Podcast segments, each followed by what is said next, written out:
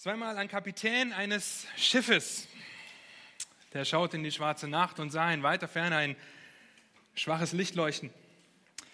Sofort sagt er seinem Meldeoffizier, nimm das Licht und morse folgende Nachricht an den Gegenüber. Ändern Sie Ihren Kurs um 10 Grad Süd. Unverzüglich kommt eine Antwort. Ändern Sie Ihren Kurs um 10 Grad Nord. Der Kapitän wurde wütend, weil sein Befehl missachtet wurde. In seiner Wut sandte er eine zweite Botschaft. Ändern Sie Ihren Kurs 10 Grad Süd, ich bin der Kapitän. Schnell kam eine Antwort. Ändern Sie Ihren Kurs 10 Grad Nord, ich bin Seemann Jones dritter Klasse. Vor Wut schnaubend sagte der Kapitän zu seinem Meldeoffizier, sag ihm endlich, ändern Sie Ihren Kurs um 10 Grad Süd, ich bin der Kapitän eines Schlachtschiffs.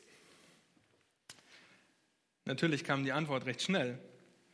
Ändern Sie Ihren, Grad, Ihren Kurs 10 Grad Nord. Ich bin ein Leuchtturm.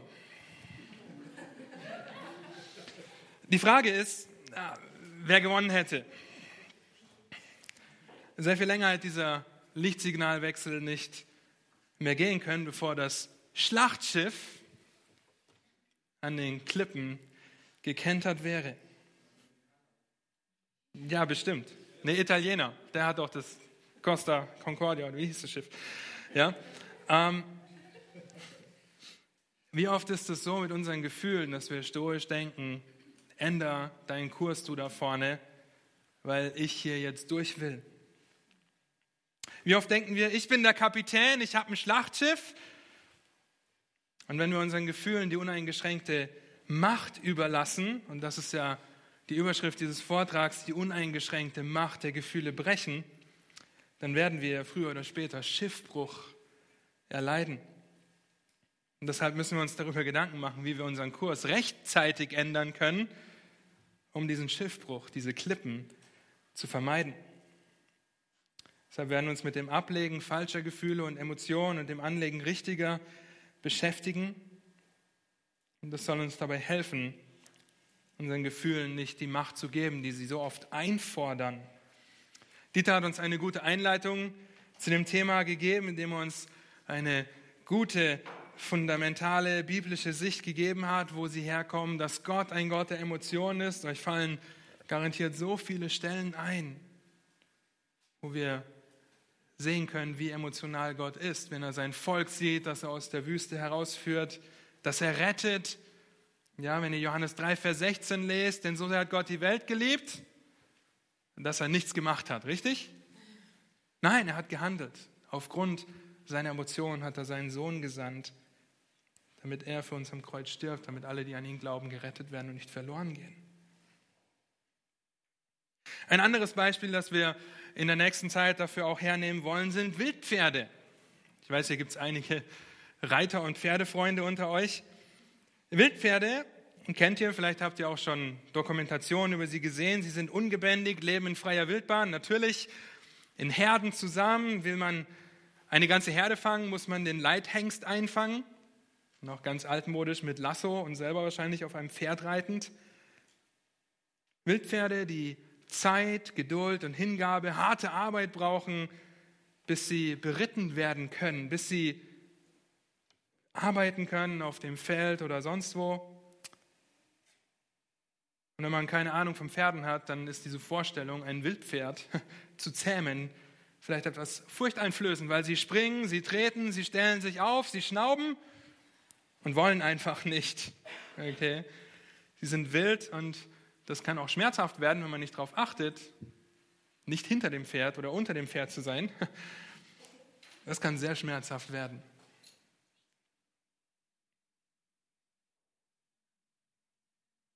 Muss wirklich auf der Hut sein. Aber nach intensiver Zeit, nach viel Arbeit werden Wildpferde sogar geritten, geführt von Kindern. Sie sind unter Kontrolle. Auf einmal sind es nicht nur wunderschöne Tiere, sondern auch noch Tiere, die nützlich sind, die man einsetzen kann, die man reiten kann, wie man Äcker bestellen kann. Pferde können sogar so ruhig sein, dass sie neben Kanonen ruhig stehen bleiben, die abgefeuert werden. Der Erste Weltkrieg, wurden so viele Pferde benutzt und es hat funktioniert. Auf ein gutes Pferd kann man sich verlassen. Sie sind treu, folgen einem und man sagt von ihnen, dass sie sanftmütig sind, weil sie ihre Kraft unter Kontrolle haben. Und das seht ihr zum Beispiel, wenn ein Kind, das sechs, sieben Jahre alt ist, ein Gaul, der drei Meter groß ist, na gut, so groß, weiß nicht, doch, kann schon sein. Ne? Ähm, ich bin kein Pferdekenner. Ja? Äh, einfach an den Zügeln hält und das Pferd sich nicht bewegt. Das Pferd müsste nur aufspringen und das Kind wäre weg. Okay? Und so oft sind unsere Gefühle wie solche Wildpferde. Wie ungebändigte Wildpferde. Ja, nicht, dass die Gefühle schlecht sind. Das kann auch sein, wenn wir sie nicht Gott zur Ehre einsetzen. Ja, aber wie Dieter auch gesagt hat, wir müssen aufpassen, dass wir Gefühle und Emotionen nicht vergöttern und alles daraus machen. Oder dass wir stoisch hier stehen, wir dürfen nicht lachen, wir dürfen keine Witze machen, alle Unterhaltungen müssen tot ernst sein. Wir müssen eine Ausgewogenheit finden und mit unseren Emotionen, die wir von Gott haben, weil wir in seiner Ebenbildlichkeit geschaffen sind, können wir auch ihm zur Ehre einsetzen. Und deshalb Wildpferde zähmen, den Kurs des Schiffes ändern. Wir müssen lernen, sie einzusetzen für den Zweck, den Gott geschaffen hat. Und wenn Emotionen der Katalysator für unser Handeln sind, dann müssen wir darüber nachdenken, wie wir sie Gott wohlgefällig kultivieren, anlegen und auch die Sündigen ablegen. Und wenn wir dazu Sprüche 25, Vers 28 lesen, dann bekommen wir sogar einen dritten Vergleich. Wie eine Stadt mit niedergerissenen Mauern, so ist ein Mann, der seinen Geist nicht beherrschen kann. Ja, das heißt, wenn wir nicht richtig denken, weil wir uns gehen lassen, weil wir uns schweifen lassen, vielleicht von den Wellen hin und her geworfen werden, dann sind wir wie eine Stadt mit niedergerissenen Mauern. Und gerade das wollen wir vermeiden. Also lasst uns nicht sein wie der Kapitän, der sich von dem Gefühl leiten lässt, der Wut, dass er hier was zu sagen hat und der Chef ist und schnurstracks auf die Klippen zufährt. Lasst uns nicht so sein. Lasst uns unsere Gefühle lernen zu bändigen, wie wir Wildpferde zähmen. Lasst uns lernen, unsere Gefühle zu beherrschen, besonnen zu sein und nicht wie eine Stadt zu sein mit niedergerissenen Mauern. Und wenn Emotionen ein wesentlicher Teil dessen sind, was es bedeutet, ein Mensch zu sein, wenn sie die seelische Regung des Menschen sind und so auf die Werte und Wertschätzungen einer Person hinweisen und das Verhalten beeinflussen, dann müssen wir uns gezielt Gedanken machen, wie wir sie als Katalysator für unser Gott wohlgefälliges Handeln einsetzen können. Lasst uns mit dem Ablegen oder dem Abtöten des falschen Denkens, der falschen Emotionen beginnen. Die Bibel ist voll davon. Fängt schon in 1. Mose 3 an. Eva sah, dass von der Frucht gut zu essen sei. Ja, die hat sich das angeschaut und hat sich an der Frucht vielleicht gefreut, hat gesehen, oh, hier ist das Wasser im Mund zusammengelaufen und sie hat gehandelt. Sie gab sogar ihrem Mann, der dabei stand. Abel, hat Dieter schon gesagt, er schlägt seinen Bruder aus Wut und Zorn, dass Gott sein Opfer nicht annimmt und das seines Bruders schon. Die Menschen, die sich in der Zeit Noahs gegenseitig töten und alle Zeit nur böse in ihrem Herzen sind, das, was im Herzen ist, kommt ans Licht, kommt raus. So können wir durch die gesamte Geschichte der Bibel gehen und immer wieder auch gottesfürchtige Männer sehen, die durch ihre Emotionen das zeigen, was sie schätzen, was sie glauben. Wünsche und Begierden und Neigungen, zum Beispiel Mose, der sehr emotional wird, als er den Felsen schlägt, anstatt zu ihm zu sprechen und sagt, ich habe euch jetzt hier Wasser gegeben. Was wollt ihr eigentlich, ihr halsstarrisches, ihr störrisches, verhärtetes Volk? Er war wütend. Und das hat sich durch sein Handeln ausgedrückt. David, der auf dem Dach einhergeht und nichts zu tun hat, keine Lust hat, damit in den Krieg zu ziehen.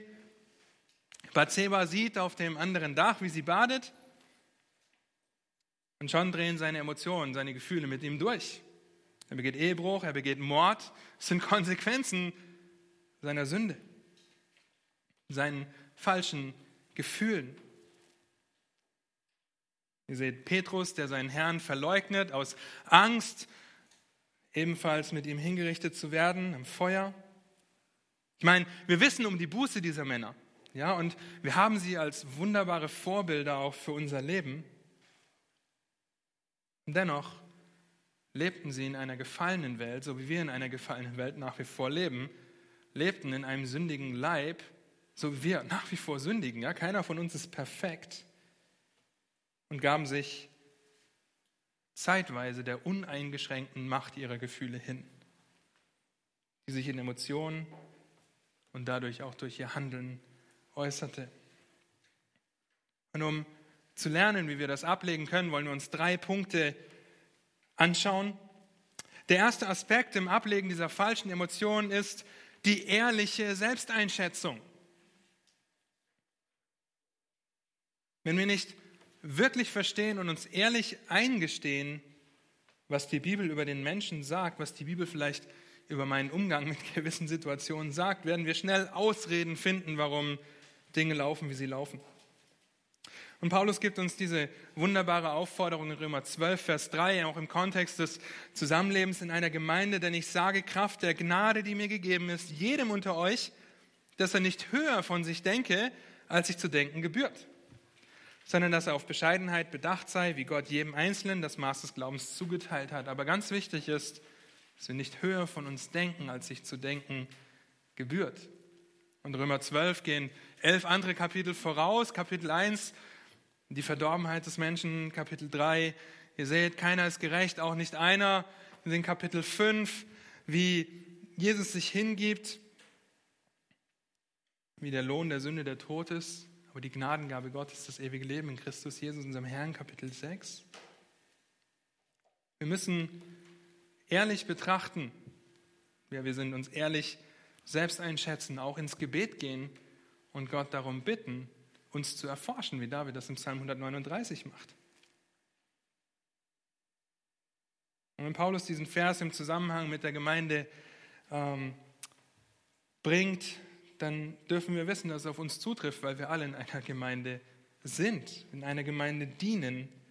Und deshalb trifft der Vers auf uns genauso zu. Wie schnell denken wir höher von uns, als sich zu denken gebührt? Wie oft vergessen wir, dass wir nur durch Gottes Gnade hier stehen, hier sitzt, weil er uns geliebt hat, weil er uns erlöst hat, als wir noch seine Feinde waren. Nicht, weil wir, ach ja, ich bin so toll, ich äh, habe aus eigener Kraft, habe ich 0,5 Prozent aus eigener Kraft bin ich gerettet. Das ist Irrsinn. Ja, 0 Prozent retten dich. Du hast keine Chance, irgendetwas Gutes zu tun, um vor Gott gerecht dazustehen. Und wir hören in der Seelsorge häufig, und das wird Pascal und Dieter wird euch das bestätigen, dass die Leute, die uns gegenüber sitzen, sagen, ah, eigentlich habe ich gar keine Probleme mit Wut und Zorn. Eigentlich habe ich keine Probleme mit Eifersucht und keine Probleme mit Neid. Ich habe auch keine Probleme damit äh, mit sexuellen Lüsten. Aber gleichzeitig sitzen vor uns Personen, die vor Wut kochen. Oder die nur auf das blickt, was die anderen haben. Und ihr Lieben, das ist keine ehrliche Selbsteinschätzung. Und wenn wir die uneingeschränkte Macht unserer Gefühle brechen wollen, dann müssen wir sie im Licht der Bibel sehen und ehrlich zu uns selbst sein. Das heißt, wir müssen die Muster, die sich in unserem Leben offenbaren, ehrlich einschätzen. Ehrlich schauen, okay, ich habe gerade sehr viel Angst. Warum habe ich Angst? Was, was in Gottes Wort oder was über Gott glaube ich nicht, dass ich jetzt Angst habe? Was in Gottes Wort glaube ich nicht, wenn ich meine Sicherheit in irgendwelchen anderen Dingen suche, außer in Christus? Und so müssen wir Gottes Wort dazu herannehmen, wie Dieter schon gesagt hat. wir haben nicht, wir stehen nicht über den Dingen, aber wir haben die Wahrheit in Gottes Wort vor unseren Augen. Und das ist so wunderbar. Vielleicht benötigen wir dabei Hilfe. Jemanden an unserer Seite, eine Freundin, einen Freund, der uns schonungslos vor Augen hält, was die Wahrheit ist und wo wir wachsen müssen. Wir müssen uns dazu aber auch verletzlich machen, wir müssen offen und ehrlich sein, was unsere Emotionen angeht, unsere Gefühle. Wie der gesagt hat, oh, ich fühle mich so allein. Okay, wieso? Was glaubst du nicht, was in Gottes Wort steht? Ja, und dann das herausarbeiten. Wir gehen später noch etwas mehr darauf ein, hat Dieter auch schon gesagt. Wir müssen wissen, dass wir uns öffnen müssen für gute Freunde und Freundinnen. Ich sage jetzt nicht, dass wir hier nach dieser Zeit zusammen äh, jeder hier anstellen darf und seine innersten Kämpfe hier preisgibt. Nein, auf keinen Fall. Ja, es müssen wirklich Leute sein, denen du von Herzen vertraust und du, wo du weißt, sie meinen es gut mit dir, wenn sie dir die, Augen, die, die Wahrheit vor Augen halten. In Sprüche 26 heißt es in Vers 7, treu gemeint sind die Schläge des Freundes. Das kann manchmal wie Peitschenhiebe, kann sich das anfühlen. Ja, aber es ist treu und gut gemeint. Bete also dafür, dass Gott dir einen treuen Freund zur Seite stellt, der dir hilft, dein Herz zu erforschen und zu prüfen, wie du es meinst. Denn dann werden wir anfangen zu erkennen, wo sündige Emotionen vielleicht praktisch zutage kommen. Und wir werden anfangen, sie nicht zu entschuldigen. Mit Entschuldigen wie, der war's. Ja, wegen, wegen meinem Chef bin ich so wütend. Der ist der einzige Mensch, bei dem ich wütend werde. Die einzige Person, die mich auf die Palme bringt, ist mein Chef. Mag sein, vielleicht. Aber wenn dein Chef die Ursache für Wut und Zorn wäre, dann wäre jeder in der Firma wütend auf deinen Chef. Und sonst nie. Ja? Oder wenn ich doch nur, füllt in die Lücke, Punkt, Punkt, Punkt, genug Geld hätte, dann könnte ich ja mehr in der Gemeinde geben zum Beispiel. Naja, überprüfe, für was du dein Geld ausgibst. Ja, vielleicht ist diese Motivation eine ganz richtige und du sagst, oh, ich hätte so gern mehr zur Verfügung, dass ich noch mehr geben kann. Vielleicht sagst du das aber auch, weil du 3000 Euro im Monat verdienst und davon 100 Euro abgibst und trotzdem den Rest vom Geld vielleicht für Klamotten ausgibst, für Technik, für irgendwelches anderes Spielzeug. Dann überprüfe deine Gefühle, warum du dich daran hängst. Lieben, wenn wir Ausreden suchen, dann ist es einfach nur kontraproduktiv, wenn wir unsere Gefühle, wenn wir die Macht brechen wollen. Auch wenn es uns vielleicht sehr leicht fällt, oder nicht vielleicht, es fällt uns sehr leicht, die Sünde woanders zu suchen, den Fehler immer woanders zu suchen, weil wir stolz sind, weil es in unserem Stolz uns sehr schwer fällt, uns einzugestehen, dass mein Herz trügerisch ist, dass ich mein Herz bewahren muss und nicht der Chef schuld ist, dass ich wütend werde. Wir versuchen immer, uns schön von der Anklagebank zu entfernen und auf die Richterseite zu setzen. Das heißt, unsere erste Verteidigungslinie ist oft, dass wir uns nicht ehrlich selbst einschätzen und meinen, wir seien nicht das Problem. Die Situation ist schuld. Ich habe keinen Job, deshalb liege ich faul auf dem Sofa rum. Zum Beispiel. Ja, die Situation ist schuld. Nein, wir können auch ohne Arbeit die Zeit auskaufen und fleißig sein. Die Situation ist schuld. Die zweite Verteidigungslinie ist die, dass wir die Schuld auf andere verschieben. Eben, der Chef ist schuld. Das ist seine Schuld, ihre Schuld, dass ich heute hier sitze und so bin, wie ich bin. Oder eine weitere Ausrede ist, ich kann einfach nichts dafür. Ja, ich kann nichts dafür. Das ist das, was Dieter gesagt hat, was wir heute überall in der Welt hören. Ja, ähm, äh, ich bin Alkoholiker, weil das in meinen Genen liegt. Ich kann nichts dafür. Ich gehe zu den anonymen Alkoholiker-Treffen und sage, ich bin ein Alkoholiker. Ich kann nichts dafür. Ja, das, die ganze Debatte ist gerade mit Pädophilität da. Die können ja nichts dafür. Ja, mit Homosexualität, die können ja nichts dafür. Lieben, das ist eine so wunderbare Ausrede für unsere Emotionen, unsere Gefühle. Ich kann nichts dafür, ich bin so, wie ich bin. Und heute wird das ermutigt in der Erziehung der Kinder. Lass die Kinder, lass die Kinder sich selbst entwickeln, die brauchen das, die brauchen keine Grenzen, keine, ähm, keine Einschränkungen, keine Erziehung, auf keinen Fall, ja, weil sie müssen sich frei entfalten. Was für ein Irrsinn. Was für ein Irrsinn, der das nur schürt, dass wir sagen, ich kann nichts dafür, dass wir die Schuld verschieben, dass wir unseren Emotionen einfach freien Lauf lassen, ohne sie in Christus gefangen zu nehmen, wie es 2. Korinther sagt. Nun, wenn wir uns diesem Denken hingeben, dann wird das lediglich dazu führen, dass wir uns nicht ehrlich im Licht der Bibel betrachten und so eigentlich selbst etwas vormachen, eine Fassade aufbauen, die nicht wirklich viel bringt. Nachdem wir die ehrliche Selbsteinschätzung haben im Ablegen, geht es um das ehrliche Bekenntnis oder die ehrliche Buße. Ohne Sünde zu erkennen, können wir, sich, können wir sie nicht bekennen. Okay? Wenn wir herausfinden, oh, ich bin richtig verbittert, wütend oder ängstlich, vielleicht verbittert, weil Gott es nicht so macht, wie ich es will, oder ängstlich, weil ich mich frage, den Sorgen der Zeit hingebe, was wird, wenn? Was wird passieren, wenn ich alt bin? Was wird passieren, wenn ich meinen Job verliere? Ich habe zwar einen unbefristeten Arbeitsvertrag und es ist eine Weltfirma, aber was passiert, wenn ich meinen Job verliere? Ja, solche Fragen, die uns bewegen, darüber müssen wir Buße tun. Ich sage nicht, dass es verkehrt ist, diese Fragen zu stellen, aber wenn wir nicht schnell dabei sind, sie an Gott abzugeben, dann werden wir früher oder später Gott anklagen.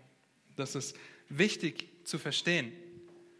Ja, dass ich nicht davon spreche, dass Gefühle und Emotionen grundsätzlich falsch sind, aber wenn wir sie in einem falschen Licht betrachten, dann werden sie zur Sünde und dann müssen wir schnell Buße tun.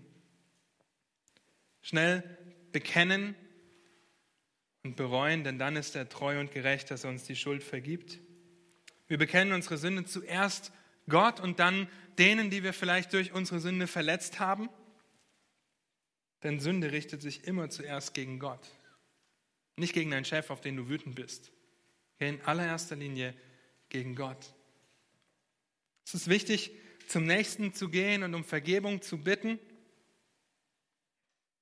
Denn ohne das kann ich eine Sünde wunderbar verstecken. Ich kann wunderbar Sünde auch zudecken und verstecken und keiner kriegt es mit. Wie viel Menschenfurcht ich vielleicht habe? Ja, weil ich habe ich hab ja viele Beziehungen, aber ich habe die Beziehungen vielleicht nur, weil ich die Anerkennung brauche, aber die anderen, die merken das vielleicht nicht. Dietrich Bonhoeffer hat Folgendes gesagt, und das ist wunderbar, Zitat, Sünde erfordert es von einem Menschen, für sich zu sein. Sie entzieht ihn der Gemeinschaft und je isolierter eine Person ist, desto vernichtender ist die Macht der Sünde über ihn.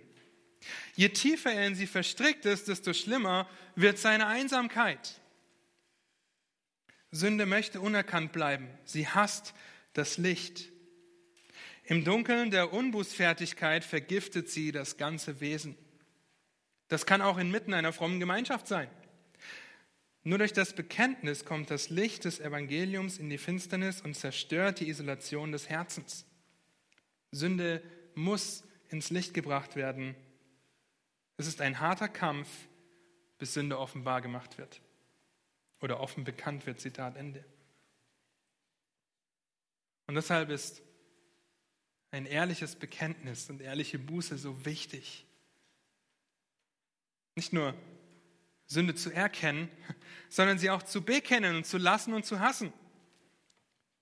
Ein ehrliches Bekenntnis gegenüber deinem Vater im Himmel und ein ehrliches Bekenntnis oder ehrliche Buße gegenüber unserem Nächsten ist das Ergebnis dessen, dass wir wahre Veränderung möchten. Dass wir umkehren wollen, dass wir Buße tun, dass wir das machen wollen, was, was Gott die Ehre gibt. dass wir etwas ablegen und danach streben, etwas anderes anzulegen. Es ist wichtig, dass wir begreifen, dass das nach der Einschätzung ein essentieller, ein wichtiger Schritt ist, die Macht der Gefühle zu brechen. Die uneingeschränkte Macht, die wir den Gefühlen so oft geben, dass wir uns einfach gehen lassen. Wir müssen bereit sein, unsere sündhaften Emotionen wirklich abzutöten. Wir müssen bereit sein, sie zu eliminieren, bevor wir dann auch wirklich alles dran setzen, das zu tun. Ja, auch das ist wieder emotional bedingt. Wenn ich meine Sünde hasse, dann wird das hoffentlich zur Folge haben, dass ich sie abtöte, dass ich immer mehr danach strebe, weil auch Hass eine Emotion ist. Wird es dafür sorgen, dass ich sie lasse.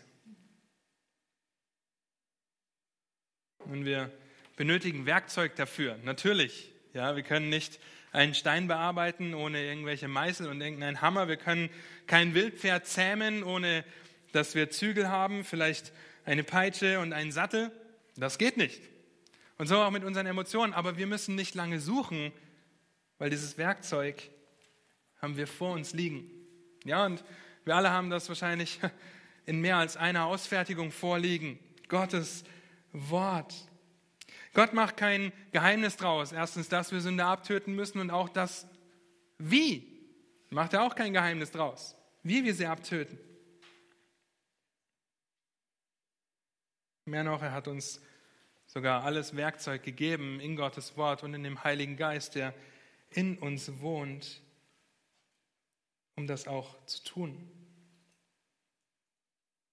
Und wieder wir benötigen die Gemeinschaft. Wir benötigen jemanden, der nicht zögert, uns in Liebe auf unsere Sünde hin zu konfrontieren, dass wir auch sehen, weil oft sehen wir den Balken in unserem eigenen Auge nicht, dass wir auch sehen, wo wir Buße tun müssen, wo wir Sünde bekennen müssen, wo wir den Kampf ansetzen müssen. Auch eine Person, der wir die Rechenschaft ablegen, zu sagen, hey, diese Woche war heftig, ich habe es nicht geschafft, ich bin gefallen. Aber ich bin aufgestanden und die Ermutigung zu haben. Ich weiß, Rechenschaftspartner ist so ähm, ein Phänomen, das sehr stark gepusht wird, aber wir finden das auch in Gottes Wort. Okay, zum Beispiel in Hebräer 3, Vers 12 und 13. Ich weiß, der Hebräerbrief ist äh, immer ein bisschen spannend, weil er an unterschiedliche Gruppen in der Gemeinde geschrieben ist. Vers 12 ist wirklich, dass sie sich prüfen sollen, dass sie nicht ein falsches Herz haben ein ungläubiges Herz, auch wirklich ungläubig sind. Und in Vers 13 richtet sich dann wieder an alle, da heißt es, ermahnt einander viel mehr, jeden Tag, solange es heute heißt, damit nicht jemand unter euch verstockt wird durch den Betrug der Sünde. Ja, das kann zur Folge haben, dass du vielleicht begreifst und erkennst, oh Mann, ich habe das Evangelium gar nicht richtig verstanden. Ich muss Buße tun, ich muss das begreifen. Wir sollen einander ermahnen. Das ist ein Thema, das wir immer wieder in der Bibel finden. Hebräer 10, Vers 23 bis 25, noch so eine wunderbare Stelle. Lasst uns festhalten am Bekenntnis der Hoffnung, ohne zu wanken, denn er ist treu, der die Verheißung gegeben hat. Und lasst uns aufeinander Acht geben, damit wir uns gegenseitig anspornen zur Liebe und zu guten Werken, indem wir unsere eigene Versammlung nicht verlassen, wie es einige zu tun pflegen, sondern einander ermahnen das umso mehr, als dass ihr den Tag herannahen seht. Die gegenseitige Ermahnung, die gegenseitige Ermutigung, das gegenseitige Anspornen. Und das kann ein Freund, kann das gut machen. Ein Freund, der mit dir in Gottes Wort schaut, der, mit dem du das gemeinsam tust, vielleicht eine Gegenseitigkeit, einander zu ermahnen und zu ermutigen, ist oft genau der Ansatz, den wir brauchen, und an dem wir bereit sind, auch den ausdauernden Kampf gegen die Sünde aufzunehmen. Wir wissen, ich bin nicht allein. 1. Korinther 10, Vers 13. Es hat uns bisher nur menschliche Versuchungen ereilt. Wir sind nicht alleine in dem Kampf gegen die Sünde, wir sind alle im selben Boot. Das hat Pascal, glaube ich, auch so gesagt, als er es ausgelegt hat hier bei uns. Wir müssen wissen, dass wir im gleichen Boot sind, um auch zu beginnen, zu bekennen, und Buße zu tun, brauchen wir den Ansporn unserer Geschwister. Also, ehrliche Selbsteinschätzung, ehrliche Buße, ehrliches Bekenntnis. Und das Dritte, es pfeift ein bisschen, vielleicht kann man ein bisschen das runter machen. Das Dritte in dem Ablegen ist, erlerne den biblischen Prozess, Sünde zu identifizieren. Da könnten wir jetzt sehr, sehr lange drüber reden. Ja, da werden die anderthalb Stunden locker voll. Aber wir wollen das kurz tun. Wir wollen auch kurz darüber uns Gedanken machen, gleich noch in einer Anwendung, in einem Beispiel. Aber das soll uns dabei helfen, Gottes Wort zu studieren und zu erkennen, wie wir Sünde identifizieren können. Das ist das Verständnis von eben erkennen, bekennen, abtöten und anlegen, also quasi unsere Heiligung, die Heiligung, in der wir alle stecken. Egal in welchem Lebensabschnitt wir uns befinden. Es geht wirklich nur dann, wenn wir Gottes Wort kennen, wenn wir den biblischen Prozess erlernen. Lest euch die Sprüche immer wieder durch. Sie sind so überführend, weil sie so kurz und prägnant aufzeigen, zum Beispiel das Herz des Toren oder den Hitzkopf. Ja, wunderbar, unter welchen Aspekten man die Sprüche durchlesen kann. Auch was los ist mit Leuten, die ängstlich sind. Ja, lest euch die Sprüche durch, um da euch einen Anfang zu geben. Wir müssen Gottes Wort kennen. Oft ist es nicht schwer oder komplex, sondern es wird einfach nur Hingabe und Ausdauer gefordert. Ja, was wiederum die Herausforderung dabei ist. Die Hingabe und Ausdauer. Gottes Wort ist nicht schwierig. Ja, ein, ein Kind kann das Evangelium begreifen und kann begreifen, dass es zur Ehre Gottes leben muss. Und dennoch auf der anderen Seite die größten Theologen, die manche Stellen nicht verstehen, wo sie einfach sagen müssen, okay, das ist das Wort Gottes, ich lasse es so stehen, weil Gott das so gesagt hat und ich komme nicht wirklich dahinter. Aber Gott ist so, Gottes Wort ist einfach, unkomplex, aber es ist so einfach, es anzuwenden in unserem Leben, weil es immer ganz klare Befehle beinhaltet. Ja, freut euch alle Zeit, sorgt euch um nichts. Ja, wenn du wütend bist, dann sündige nicht dabei. Lass die Sonne nicht über dem Zorn untergehen. Das sind alles ganz praktische Punkte und ganz praktische Anwendungen, die wir auch umsetzen können. Aber dazu müssen wir Gottes Wort kennen. Und so benötigen Wildpferde Zeit, bis sie beritten werden können. Dazu braucht es Geduld, Ausdauer, Hingabe, Werkzeug. Als Christen haben wir das Werkzeug und Gottes Wort an die Hand bekommen. Aber jetzt braucht es Geduld und Ausdauer auch, das abzulegen, dass Gott nicht die Ehre gibt. Und wisst ihr, jetzt sagt ihr vielleicht, ja, okay, gut, dann, ähm, ich weiß, ich war gestern wütend auf äh, meinen Gastgeber vielleicht, der hat mich nicht reingelassen. Ähm, jetzt gehe ich heute hin, bitte ihn um Vergebung. Ja, vielleicht äh, nach dem Mittagessen haben wir ein bisschen Zeit. Nur um dann heute Abend wieder vor der Tür zu stehen und wieder nicht reingelassen zu werden und dann geht der ganze Kreislauf von vorne los. Ja, es ist einfach, um Vergebung zu bitten und eine Woche durchzuhalten und dann auf die Nase zu fallen. Es braucht Zeit, es braucht Ausdauer, es braucht Geduld. Es braucht Entschlossenheit und Disziplin auch, sündige Gefühle und Emotionen langfristig abzulegen. So ein kurzes Freizeithoch kennt ihr vielleicht, ja, ähm, hält zwei Wochen an und dann war es das wieder. Ja, aber unser Christsein ist ein Marathonlauf und kein 100-Meter-Sprint. Und dazu müssen wir Gottes Wort kennen. Hebräer 4, Vers 12, und das ist so wunderbar. Denn das Wort Gottes, und ihr kennt diesen Vers wahrscheinlich alle, ist lebendig und wirksam und schärfer als jedes zweischneidige Schwert und es dringt durch, bis es scheidet, sowohl Seele als auch Geist, sowohl Mark als auch Bein und ist ein Richter der Gedanken und Gesinnungen des Herzens. Gottes Wort ist der Richter der Gesinnung des Herzens. Der Vers ist so wunderbar, weil Gottes Wort hier nicht als Vorschlaghammer vorgestellt wird, präsentiert wird, den wir einfach rausholen und einmal, bam, alles kaputt machen. Ja, die Sünde werde ich dabei auch schon treffen, keine Sorge. Ja, mit einem Vorschlaghammer. Nein, Gottes Wort hier, es ist schärfer als ein zweischneidiges Schwert. Das kann man mit einem Skalpell vergleichen. Ja, heute werden, glaube ich, nicht mal mehr Skalpells benutzt, sondern Laser. Ähm, also noch genauer, noch kleiner, die genau dort angesetzt werden können, wo das Problem liegt. Und Gottes Wort ist schärfer noch.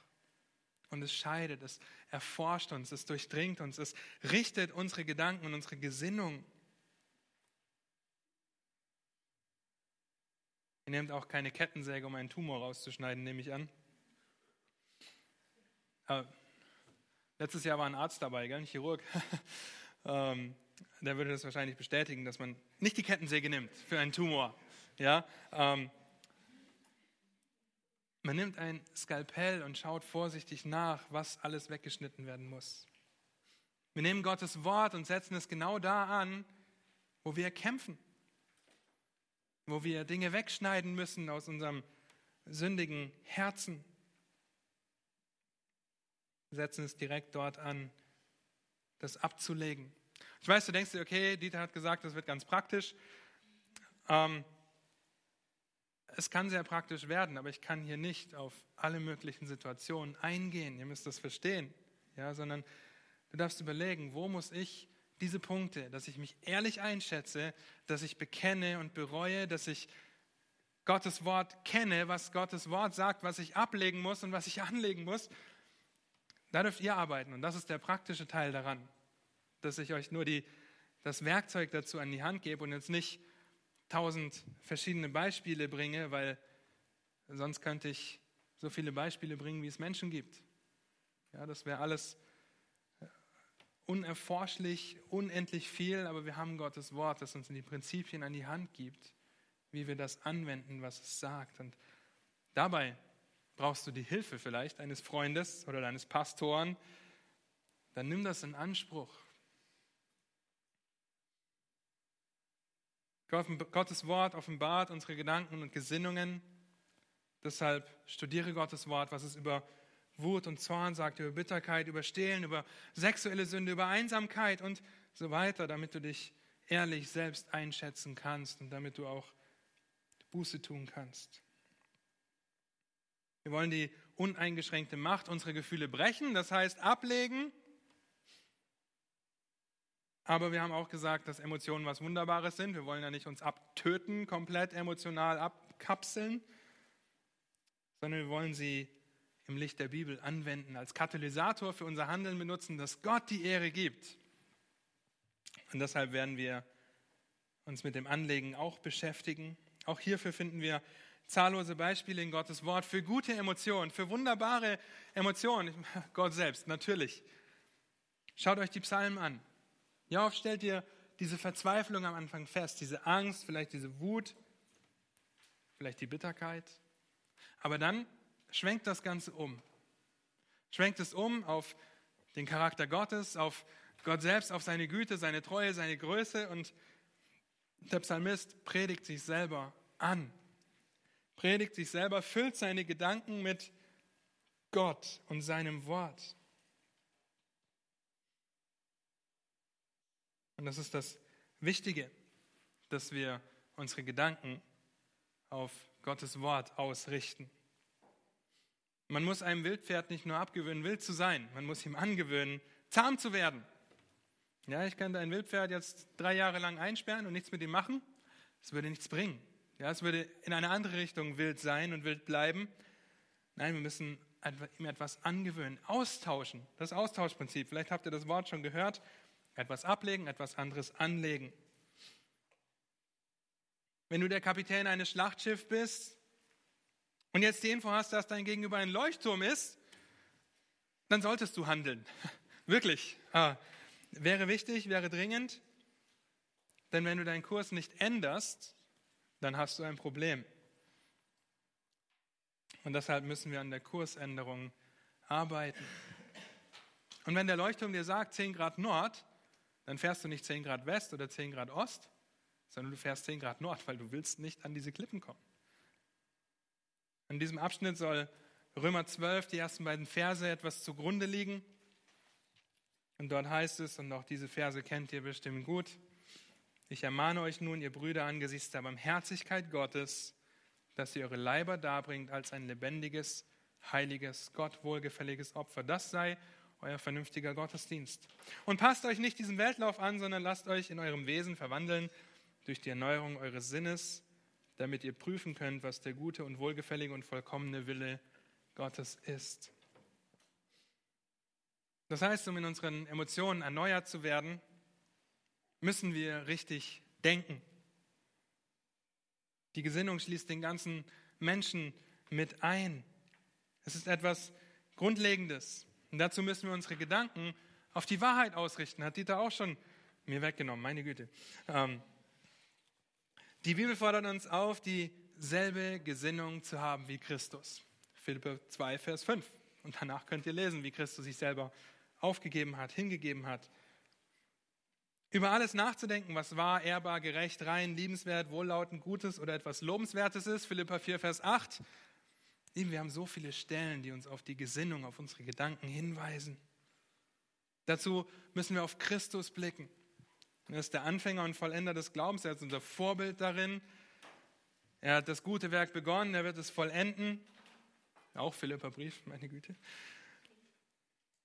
Er ist das fleischgewordene Wort. Das Wort ist Wahrheit, also ist Christus Wahrheit. Aber warum sollen wir Gott als wohlgefälliges Opfer dienen? Warum?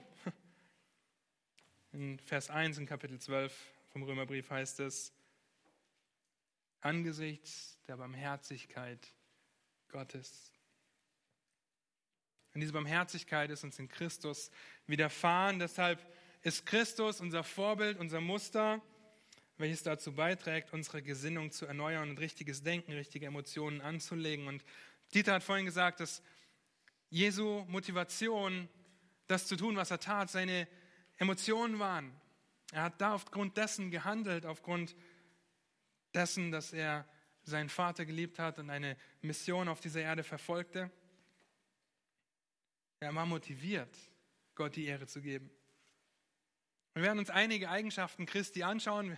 Auch das können wir nicht allumfassend tun, die wir zu unserem Muster machen oder die vielleicht schon dein Muster sind. Das wäre wunderbar.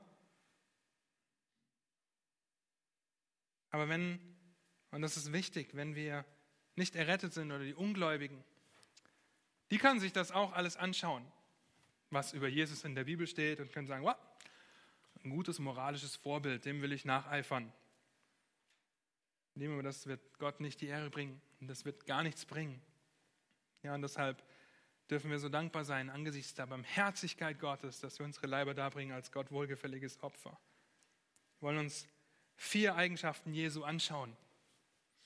Die erste Eigenschaft ist die Hingabe Jesu. Die Hingabe. Und wenn wir das Wort Hingabe hören und in Römer 12 über das Darbringen, aber auch das Hingeben lesen, dann stellen wir fest, dass Hingabe mit tiefer Liebe und Ernsthaftigkeit verbunden ist. Sie nimmt dich ein und du gibst dich voll und ganz hin. Deshalb ist Hingabe etwas Emotionales. Jesus ist nicht kaltherzig und ohne Miene zu verziehen äh, im Himmel gestanden und hat gesagt, okay, pff, ja, ich werde Mensch, sterbe am Kreuz, um zu retten. Okay, kein Problem, mache ich. Total kaltherzig. Hat er nicht gemacht, ja? Denn so sehr hat Gott die Welt geliebt, dass er seinen eigenen Sohn gab. Hingabe, die Hingabe Jesu, einmal Mensch zu werden, war eine grundlegend emotionale Sache. Ich meine, er hat Blut und Wasser geschwitzt, als er im Garten gerungen hat. Viel emotionaler, viel krasser kann sich das nicht auswirken. Wir sehen, wie er gerungen hat, wie er das gefürchtet hat, den Tod am Kreuz und dann auch gesagt hat, dein Wille geschehe und lass diesen Kelch an mir vorübergehen. Er hat das, es war ein emotionaler Kampf, den Jesus gekämpft hat. Aber er war völlig hingegeben. Er hat auf dieser Erde gelebt, hat geweint, wurde wütend, hat sich gefreut, hat geheilt. Aber da hörte seine Hingabe nicht auf. Denn eine halbherzige Hingabe ist gar keine Hingabe. Und wir wissen das und Jesus hat das verkörpert. Und wahre Hingabe hingegen beinhaltet automatisch auch das Handeln aus dem Grund der Hingabe. Jesu Leben. Wir sehen, dass er sich hingegeben hat für uns äh, als Sünder, aber er war zu Lebzeiten völlig seinem Vater hingegeben. Ja, er hat sich völlig gehorsam dem Gesetz seines Vaters untergeordnet. Er hatte ein wirklich wunderbares Feuer in sich, das vor Hingabe gebrannt hat, was er auch oft betont. Ja, ich und der Vater sind eins. Meine Speise ist die, dass ich den Willen dessen tue, der mich gesandt hat und sein Werk vollbringe. Das könnt ihr immer wieder lesen. Hingabe. Davon können wir lernen. Bist du voll und ganz hingegeben? Dem verschrieben, was Gott in seinem Wort offenbart und wer Christus ist, was er für dich getan hat? Die zweite Eigenschaft, die wir uns anschauen wollen, wo Jesus unser Vorbild, unser Muster werden muss oder kann oder sollte oder schon ist, ist seine Freude. Seht ihr, Freude geht ganz klar und ganz eng mit Hingabe einher. Freude ist voller Emotionen. Freude über eine bestandene Bachelorarbeit? Ja, bestanden. Ja. Wir freuen uns darüber, ein abgeschlossenes Studium, über einen neuen Job vielleicht. Die Begeisterung für die Rettung eines Familienmitglieds? Unglaublich. Oder die Begeisterung an der Schöpfung Gottes, wenn wir einen Sonnenuntergang sehen oder einen Sonnenaufgang, je nachdem, wie früh oder spät ihr ins Bett geht. Wir stehen nicht kaltherzig da, gefühllos und emotionslos, sondern wir freuen uns und wir weinen sogar vor Freude. Ihr erinnert euch beim letzten Mal, im April, als das Dinner war, haben wir an dem Freitagabend von der Konferenz den Anruf vom Adoptionsamt bekommen und wir haben beide da gesessen und vor Freude geweint. Wir weinen vor Freude. Und Jesus? Jesus war ein Mann des Leidens, aber umso mehr war er ein Mann der Freude, weil seine Freude sich in seiner Beziehung zu seinem Vater ausgedrückt hat. Jesaja 11 sagt über unseren Herrn zum Beispiel, und er wird sein Wohlgefallen haben an der Furcht des Herrn. Er ist der Messias. Er wird seine Freude haben an der Furcht des Herrn. Er wird seine Freude daran haben, seinen Vater zu fürchten. Er war mit Begeisterung und in enger Gemeinschaft mit seinem Vater an einigen Stellen finden wir, wie er sich quasi weggeschlichen hat von seinen Jüngern, um Gemeinschaft zu haben mit seinem Vater. Stille Zeit, die ganze Nacht. Seine Jünger wissen nicht, wo er ist, aber er hat seine Freude am Vater. Lest euch Psalm 119 mal durch. Oder die Psalmen grundsätzlich. Ich freue mich in deinem Wort. Es ist kostbarer als Korallen, kostbarer als alles Feingold und Silber. Psalm 19 die Freude an Gott. Wie sehr freust du dich über Gott? Wie sehr freust du dich an Gott und an deiner Beziehung, an deiner Beziehung zu Gott?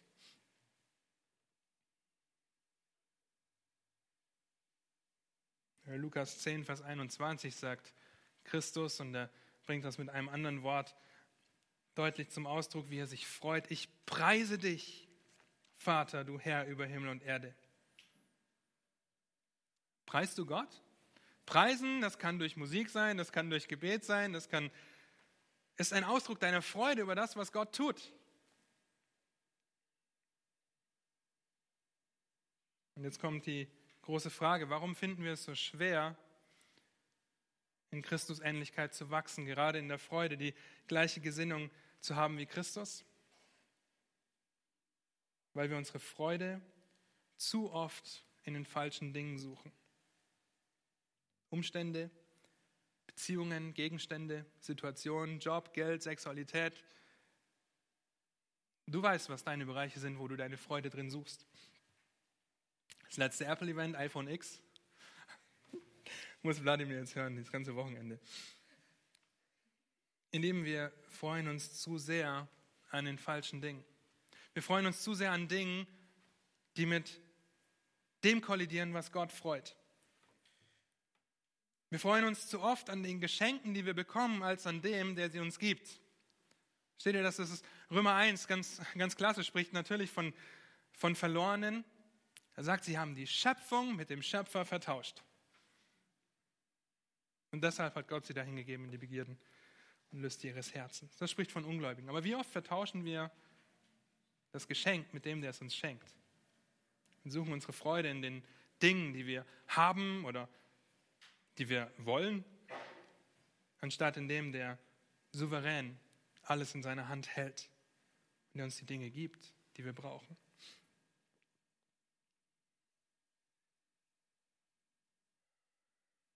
In dem es mag sein, dass du manche Dinge anzweifelst oder bezweifelst oder grundsätzlich Zweifel hegst, vielleicht sogar schon verbittert bist, weil du einen anderen Plan hast und denkst, dass Gott auch deinen Plan umsetzen muss. Vergeude nicht die Zeit, die Freude in den falschen Dingen zu suchen. Dann such deine Freude in Gott, denn er hat in seiner Souveränität und Güte jeden einzelnen deiner Tage schon festgeschrieben, festgelegt, ehe einer von ihnen war, auch Psalm 139. Lass uns deshalb ein ganzes Opfer sein, völlig hingegeben, mit Freude, denn das sei unser vernünftiger Gottesdienst. Hingabe, Freude oder Begeisterung. Und das dritte Muster, das wir betrachten wollen, ist Barmherzigkeit oder Mitleid.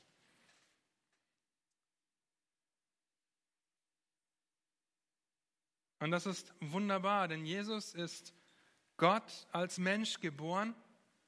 Und Gott selbst sagt von sich in 2. Mose 34, Vers 6, Jahwe, Jahwe, der starke Gott, der barmherzig und gnädig ist, langsam zum Zorn und von großer Gnade und Treue. Das sagt Gott über sich selbst. Ist das nicht wunderbar?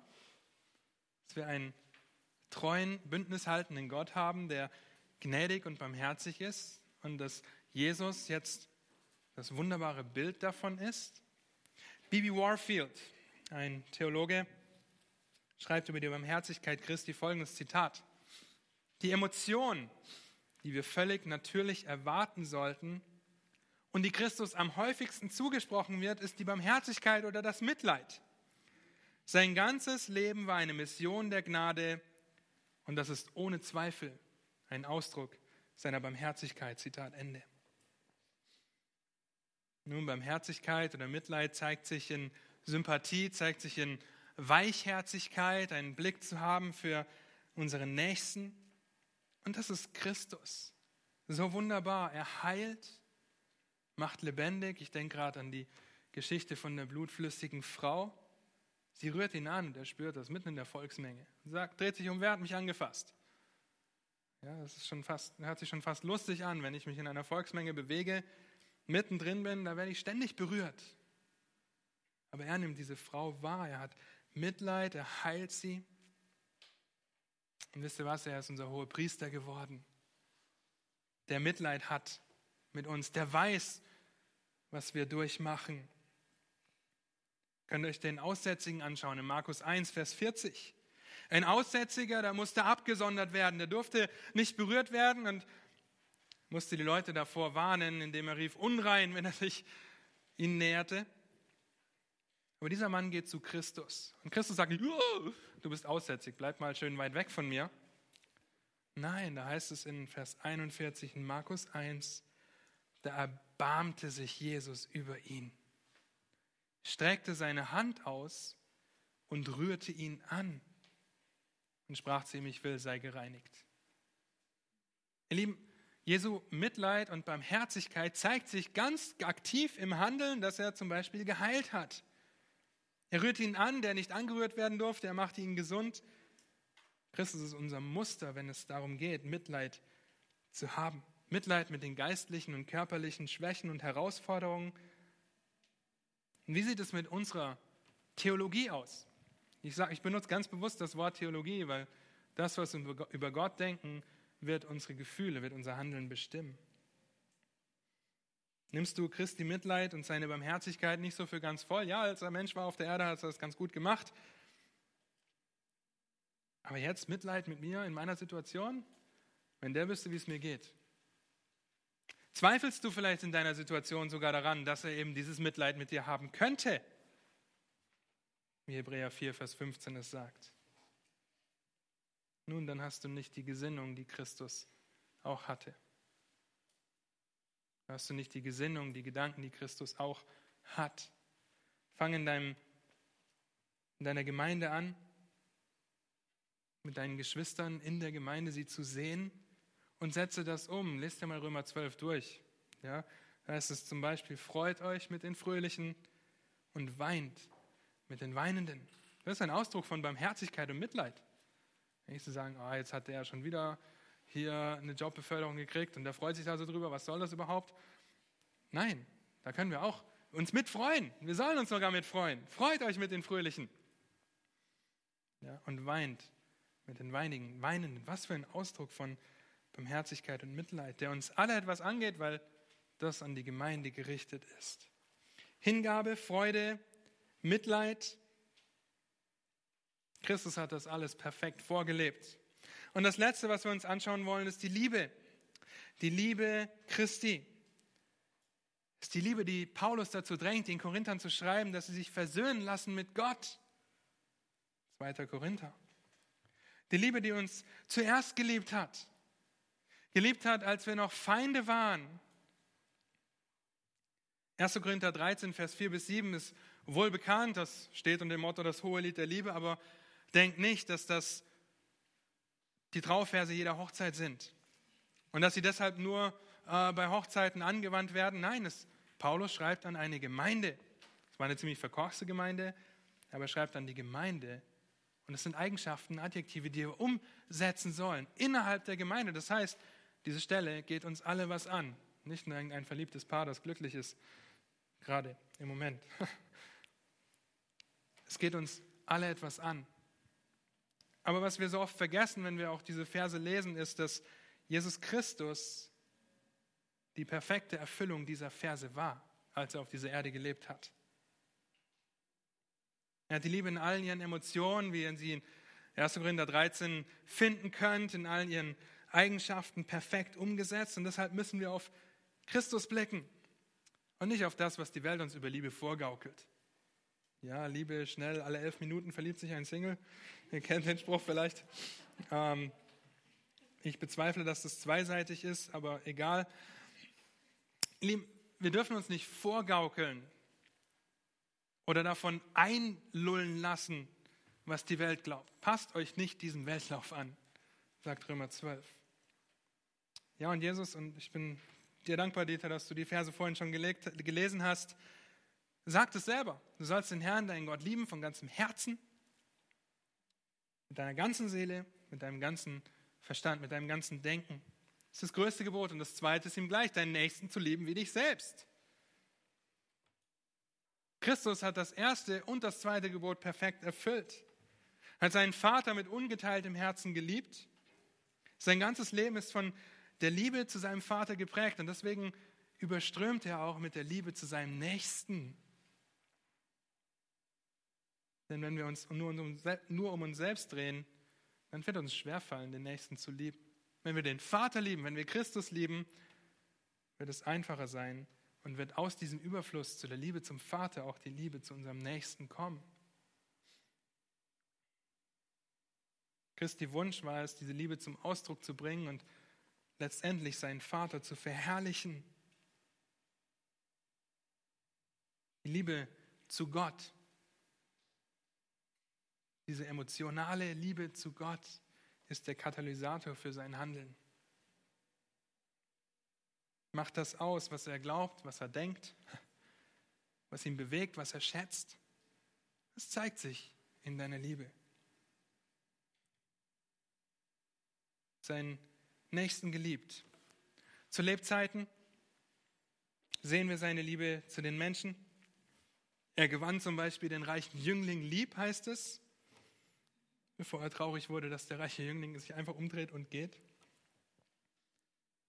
Nicht nur lesen wir in Johannes 15, dass er seine Jünger liebt, so wie der Vater ihn liebt, sondern er fordert uns auf, die Feinde zu lieben. Und auch das hat Jesus getan. Liebt eure Feinde, tut Gutes denen, die euch hassen, segnet die euch fluchen und betet für die, welche euch beleidigen. Lukas 6, Vers 27. Das ist herausfordernd. Und ihr fragt euch vielleicht, ja gut, vielleicht fragt ihr euch nicht, wo hat Jesus denn seine Feinde geliebt? Nun, was ist der Grund, warum wir heute hier sitzen? Was ist der Grund, warum wir heute hier sitzen? Dass er uns geliebt hat, als wir noch seine Feinde waren und uns erlöst hat, als wir noch seine Feinde waren. Ja, der Gipfel ist das Kreuz, in dem seine Liebe zum Ausdruck kommt, indem er sich für seine Feinde hingibt, um sie zu retten. Das ist wunderbar und daran müssen wir uns erinnern, erinnern und erinnern. Selbst am Kreuz direkt sagt er, vergib ihnen, denn sie wissen nicht, was sie tun. Hätte er nicht sagen müssen. Es waren ja seine Feinde. Aber er ist Christus und er liebt. Und diese Liebe lässt ihn handeln, lässt ihn flehen, dass Gott ihnen vergibt, denn sie wissen nicht, was sie tun. Was für ein Ausdruck von Liebe, den wir aber erst völlig verstehen werden, wenn wir vor ihm stehen und die Bücher geöffnet werden und unsere Herzen vollständig offenbart werden. Ja?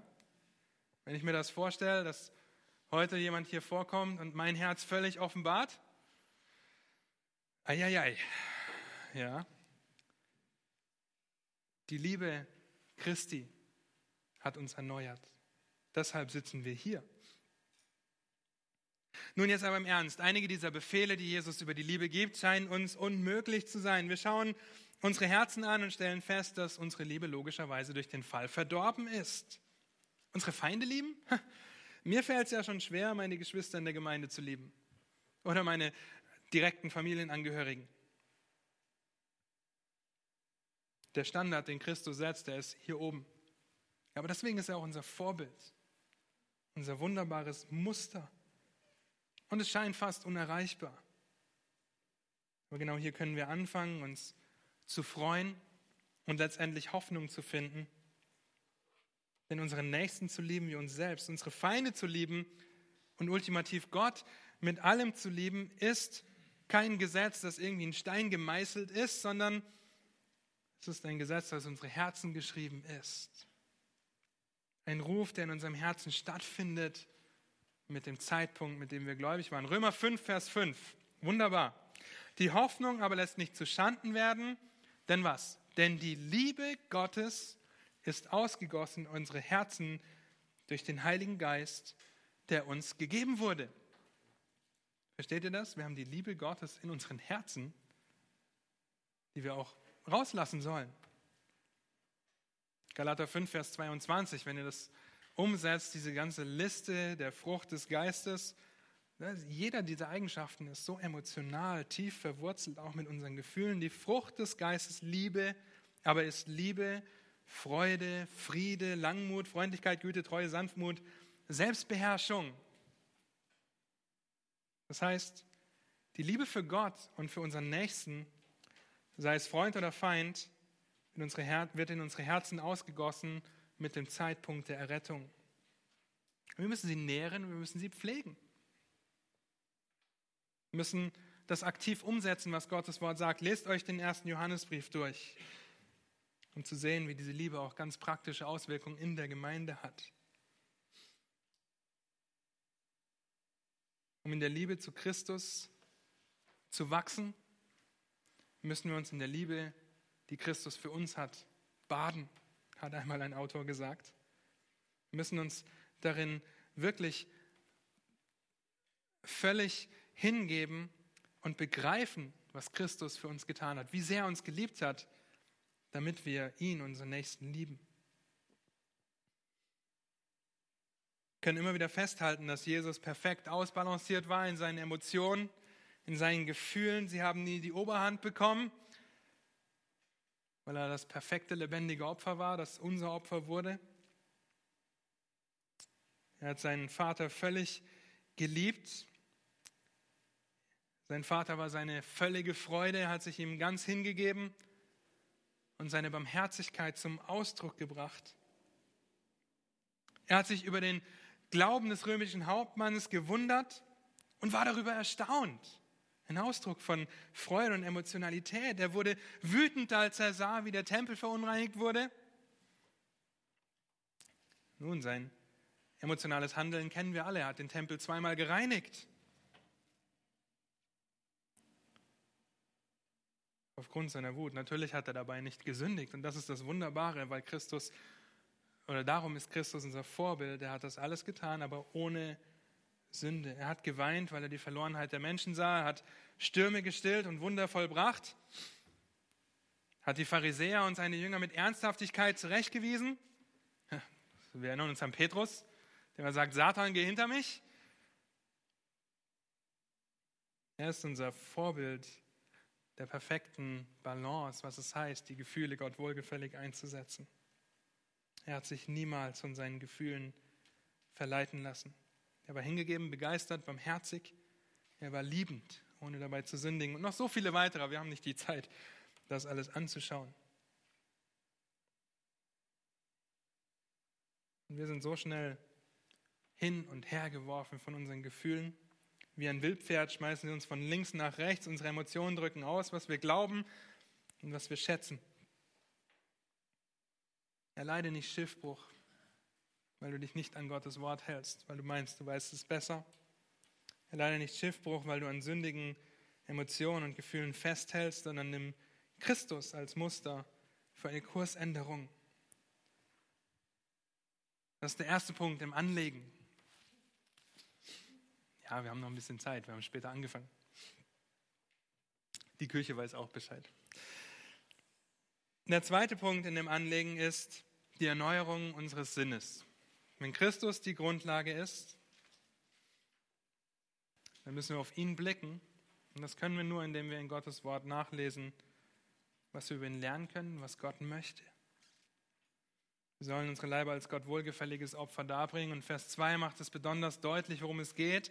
Und passt euch nicht diesem Weltlauf an, sondern lasst euch in eurem Wesen verwandeln durch die Erneuerung eures Sinnes, damit ihr prüfen könnt, was der gute und wohlgefällige und vollkommene Wille Gottes ist. Wie schnell passen wir uns diesem Weltlauf an? Indem wir uns sagen lassen, von der Werbung Dinge einreden lassen, Sexualität, die nur emotional gepusht wird. Bald ist Wahl. Ja, wenn ihr durch Berlin fahrt, da seht ihr ein Wahlplakat nach dem anderen. Da steht nirgendwo drauf, ich werde im Gesetz 35, Paragraph 3 Abschnitt B, das werde ich ändern. Nein, da steht drauf, besonnen, gerecht und gut, das ist Mutti. Ja, zum Beispiel.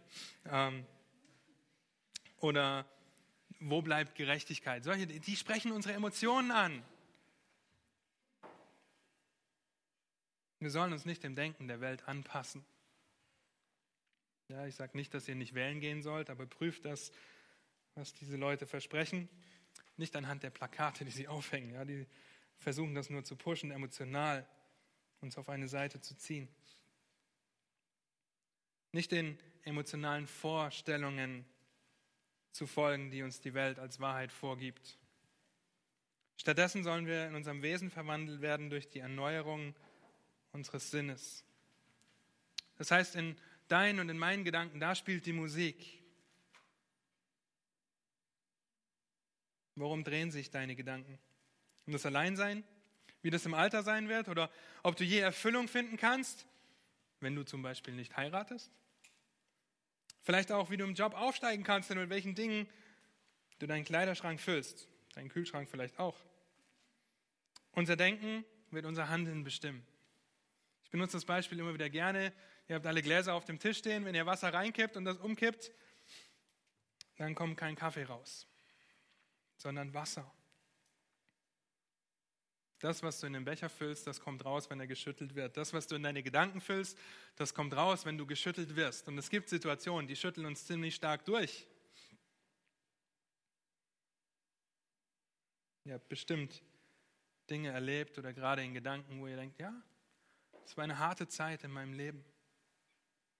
Hat mich wirklich durchgeschüttelt. Ja, und vielleicht zutage gebracht, was ich wirklich glaube, was ich wirklich denke. Denn womit wir unsere Gedanken füllen, das wird rauskommen, wenn wir geschüttelt werden. Ich kann nicht anderen in der Gemeinde helfen, wenn ich neidisch auf sie und ihre Lebensumstände bin. Ich ständig gucke, ah, der hat das, das habe ich nicht. Und die, die haben so viel Geld, das habe ich auch nicht. Wie, wie soll ich ihnen großherzig und freizügig und liebend und barmherzig dienen? Das geht nicht. Ich kann nicht fröhlich in der Gemeinde dienen, wenn ich nicht glaube, dass Gott es gut mit mir meint und ich wütend auf Gott bin. Unser Denken bestimmt unsere Gefühle. Unser Denken bestimmt unsere Emotionen. Unser Denken bestimmt unser Handeln. Das, was drin ist, kommt raus. Wenn ich als Captain des Schlachtschiffs von der Illusion überzeugt bin, dass ich der Stärke, Größere und Mächtigste bin, dann werde ich spätestens an der Klippe feststellen, dass das nicht der Fall war.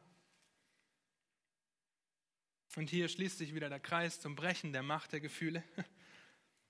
Wenn ich mich nicht ehrlich in Selbsteinschätzung übe, bekenne, bereue und Gottes Wort betrachte, dann wird mir das sehr schwer fallen. Aufgrund der Barmherzigkeit Gottes sollen unsere Sinne erneuert werden. Und es existiert eine immens starke Verbindung zwischen dem Mangel des biblischen Gedankenguts, das wir haben, und der emotionalen Verwirrung, in der wir uns so oft befinden. Lass mir was zu trinken einschenken, danke. Dabei ist biblisches Denken so essentiell, es ist so wichtig. Schaut euch die Psalmen an, die Männer predigen sich ständig selbst an. Im Neuen Testament finden wir viele Stellen neben Römer 12, Vers 2, die uns auf das richtige Denken, auf die richtige Gesinnung hinweisen. Philippa 2, Vers 5, Römer 8, Vers 5 bis 6, Philippa 4, Vers 8, 2. Korinther 10, Vers 5, um ein paar zu nennen. Das heißt, wir sollen Gottes Gedanken nachdenken. Das Denken, was Gott denkt, was er in seinem Wort offenbart. Wenn in Gottes Wort steht, dass denen, die ihn lieben, alle Dinge zum Besten dienen, dann halte ich mich daran, dann glaube ich das, dann denke ich darüber nach. Wenn dort steht, dass er bei uns ist bis ans Ende der Weltzeit, dann glaube ich das, dann denke ich auch darüber nach, in Zeiten, wo ich vielleicht mit Einsamkeit kämpfe. Gottes Gedanken nachzudenken, wird unsere Gesinnung erneuern und wird uns dabei helfen, jede Idee, alles, was uns die Welt präsentiert, durch ein biblisches Raster zu schicken, damit ihr prüfen könnt, heißt es. Deshalb sollen wir unsere Gedanken erneuern, unsere Gesinnung, was der gute und vollkommene und wohlgefällige Wille Gottes ist. Wir kriegen ein Raster, wenn wir unsere Gedanken auf Gott und sein Wort ausrichten. Nur, das ist unmöglich, wenn du die Bibel nicht liest, keine Gemeinschaft hast, nicht betest und nicht gehorsam das umsetzt im Vertrauen auf Gott, was sein Wort sagt. Ein Autor sagt zu der Verbindung von Gedanken und Emotionen folgendes Zitat. Richtiges Denken über Gott produziert und pflegt Gott wohlgefällige Emotionen wie Friede, Freude, Sicherheit und Hoffnung. Zitat Ende. Richtiges Denken produziert richtige Emotionen. Nicht andersherum. Ah, gestern bin ich früh ins Bett gegangen, ich fühle mich heute so, als ob ich mal wieder in die Gemeinde gehen könnte. Einen Gottesdienst besuchen. Oder oh, heute fühle ich mich danach, Gottes Wort mal wieder zu lesen. Ja, was ist morgen? Was ist nächste Woche? Wenn du dich nicht danach fühlst, was ist dann? Und hier kommen die Gedanken ins Spiel. Richtig denken. Es ist wichtig, Gottes Wort zu lesen, weil Gott es möchte. Und deshalb lese ich täglich darin, nicht weil ich mich danach fühle. Die Begeisterung für Gottes Wort wird folgen. Ich gehe in den Gottesdienst, weil Gott nicht möchte, dass ich die Versammlung versäume und weil ich so meinen Geschwistern dienen kann. Auch hier wird die Begeisterung folgen, auch wenn du dich vielleicht im Moment nicht danach fühlst. Richtiges Denken produziert richtige Emotionen. Vielleicht nicht sofort, aber wenn wir uns das immer wieder vor Augen halten, es braucht Zeit, Ausdauer, wie beim Wildpferd, dann werden die Emotionen folgen. Sei also auf der Hut, mit was du deine Gedanken füllst. Es geht darum, dass wir darüber nachdenken, über was wir nachdenken. Ja, mit wem, mit was und mit wem wir unsere Gedanken füllen. Denn wenn wir geschüttelt werden, wird das rauskommen, was drin ist. Deshalb warnt die Schrift davor und sagt mehr als alles, behüte dein Herz. Auf der anderen Seite sei darauf bedacht, deine Gedanken konstant und bewusst mit Gottes Wort und den Dingen der Weisheit von oben zu füllen. Gottes Wort lesen, es auswendig lernen, gute Musik hören, erbauende Bücher lesen, gute Gemeinschaft haben. Das ist ein guter Anfang. Versäume nicht, deine Gedanken mit Gottes Wort zu füllen, denn nur so werden wir in unserer Gesinnung erneuert werden. Und ich habe noch zehn Minuten. Circa. Ah, ist okay. Ihr schafft es schon. Ich höre eure Mägen noch nicht knurren, das ist gut. Ihr wurde in der Pause gut versorgt. Ja, lasst uns wirklich danach streben und nehmt euch mal die Zeit, darüber nachzudenken, über was ihr nachdenkt. Ja, wirklich. Setzt euch mal hin und schaut mal, mit was ihr so eure Gedanken füllt. Ja, und dann könnt ihr da schon kleine Tweaks und Veränderungen vornehmen, es auf Gott ausrichten. Ändert euer Denken. Wir haben viel darüber gesprochen dass wir uns ehrlich selbst einschätzen müssen, ehrlich bekennen und bereuen müssen und biblische Prinzipien erlernen müssen. Dass wir treue Brüder und Schwestern brauchen, die uns schonungslos Gottes Wort und die Wahrheit vor Augen halten. Gottes Wort. Okay? Nicht irgendwelche, ja, ich mache das immer so und bei mir klappt das wunderbar. Das mag eine Hilfe sein, aber das ist nicht Gottes Weisheit. Ja, das ist dein, wie du das in deinem Leben anwendest, ist ein ganz anderes Blatt, eine andere Geschichte, über die du nachdenken darfst, auch mit deinem Freund, deiner Freundin. Wir haben über das Kultivieren guter Emotionen gesprochen, dass Christus unser Muster ist, dass unser Vorbild ist, unser Beispiel, wie er mit Hingabe, Barmherzigkeit, Freude und Liebe das zum Ausdruck gebracht hat, was er wertschätzt, was er glaubt und wie das ein Katalysator seines Handelns war. Und danach sollten wir streben, dieselbe Gesinnung zu haben, um erneuert zu werden in unserer Gesinnung. Das nachzudenken, was Gott denkt, was er in seinem Wort sagt. Und nicht zu sagen, ja, hier steht, äh, es dient allen Menschen zum Besten. Der Vers gilt nicht für mich. Okay, weil offensichtlich ist meine Situation, die, die dient nicht zu meinem Besten. Vielleicht ist in der Vergangenheit irgendwas Schwerwiegendes vorgefallen, vielleicht hast du gerade deinen Job verloren. Der Vers gilt nicht für mich. Warum steht er in der Bibel?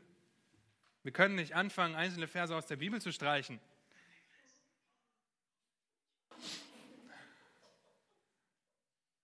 Wir können eine Hörbibel anmachen. Wir können nicht anfangen, einfach Verse aus der Bibel zu streichen. Dann werden wir irgendwann nur noch mit Füllwörtern da sitzen, weil wir denken, ah, das gilt auch nicht für mich, weil gerade fühle ich mich nicht so. Ja, und Gottes Wort darüber nachdenken, das Glauben, was da steht, ja, es ist Gott gehaucht und nützlich zur Erbauung, zur Ermahnung, zur Erziehung, zur Zurechtweisung, damit der Mensch Gottes völlig zugerüstet sei für jedes gute Werk nützlich. Das sagt Gottes Wort. Das ist so wunderbar. Und dazu sind meine so geliebten 5Gs essentiell. Die BGBler, die kennen die hoffentlich schon auswendig. Gottes Wort, Gebet, Gehorsam, Glaube und Gemeinschaft sind nötig, um eine gottesfürchtige Gesinnung zu haben. Aber wie sieht das praktisch aus? In den letzten paar Minuten, die wir haben, ich überziehe vielleicht auch ein bisschen, aber letztes Jahr kam Feedback, dass wir länger reden sollen, also gut, wollen wir uns mal um Angst und Sorgen drehen. Ein paar Minuten darüber Gedanken machen, wie wir richtig mit Angst, mit Sorge, mit Furcht umgehen sind wir dabei ehrlich zu uns selbst oder versuchen wir das schön unter dem Deckmantel von einem Gebetsanliegen zu verstecken? Ja, oder einer kleinen Beunruhigung. Ne, wir wollen den Mantel kurz lüften, egal ob dich das vielleicht charakterisiert und du das sehr gut verbergen kannst. Oder ob es von Zeit zu Zeit dein Leben bestimmt. Wir alle sind nicht davor geschützt, uns Sorgen zu machen. Keiner von uns. Ich rede hier nicht über die Angst, die wir haben, wenn wir vor einem Mörder davonlaufen oder aus einem brennenden Haus rennen. Ich hab, musste gestern ein Kabel anschließen, ein Stromkabel, und ich habe ähm, die nötige Sicherung nicht gefunden. Und da hat man schon Respekt, wenn man dieses Kabel anschließt. Davon rede ich nicht, okay? Ich rede nicht von, dieser, von der guten Angst, die uns dazu antreibt, vorsichtig zu sein. Ich rede von der Angst, die uns lähmt. Denn Gott hat uns mit Emotionen geschaffen, das heißt, die Angst gehört auch dazu. Ja, es wäre schlecht, wenn wir keine Angst vor dem Grizzly hätten. In Kanada. Ja, mein Vater ist auch mal in Kanada dort gewesen äh, und hat sich abends gedacht, er macht noch einen Spaziergang im Wald. Ohne Gewehr ist er losgezogen. Ja, und hat sich gewundert, warum niemand sonst unterwegs ist, bis er irgendwann mitten im Wald gedacht hat, hier gibt es Bären. Und dann ist er schnell wieder zurück. Ja, das ist, davon rede ich hier nicht. Ich rede hier von der Angst, die uns lähmt, wo wir uns Sorgen machen auf eine sündige Art und Weise, weil wir uns nur darum drehen. Verpasse ich was im Leben? Werde ich je sicher sein? Werde ich je beschützt sein? Bleibe ich allein, wenn ich alt bin? Was passiert, wenn ich meinen Job verliere? Was passiert, wenn ich einen Unfall habe? Was wäre, wenn?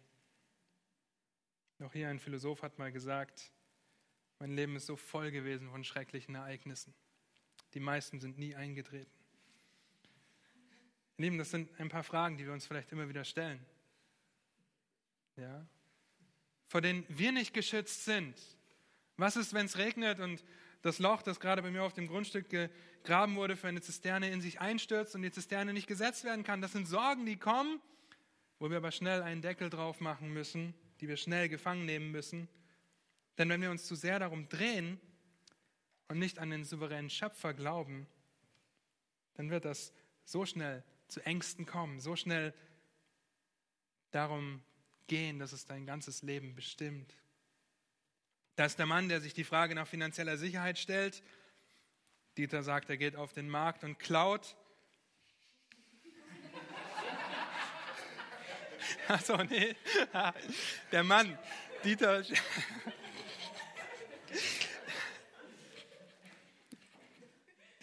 Nein, Dieter geht nicht auf den Markt und klaut, okay? er hat das Beispiel vorhin benutzt. Hört euch die erste Aufnahme an, ah, dann wisst ihr, was ich meine. Also, vielleicht beginnt er auch mit, mit Glücksspiel. Ja, weil ihm das vielleicht das Gefühl vermittelt, etwas dazu verdienen zu können, wenn ich was gewinne. Und so reitet er sich immer weiter rein in die Schulden. Da ist die Frau, die Geborgenheit sucht und anfängt Alkohol zu trinken, weil sie weil der Alkohol ja das Gefühl von Geborgenheit gibt, wenn sie nicht mehr ganz bei Sinnen ist.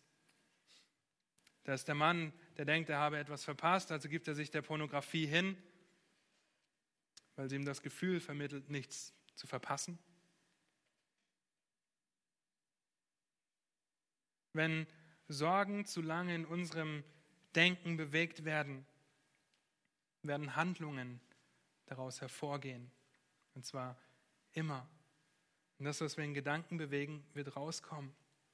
Das, was in unserem Herzen ist, sagt unser Herr Jesus, davon sprudelt der Mund über.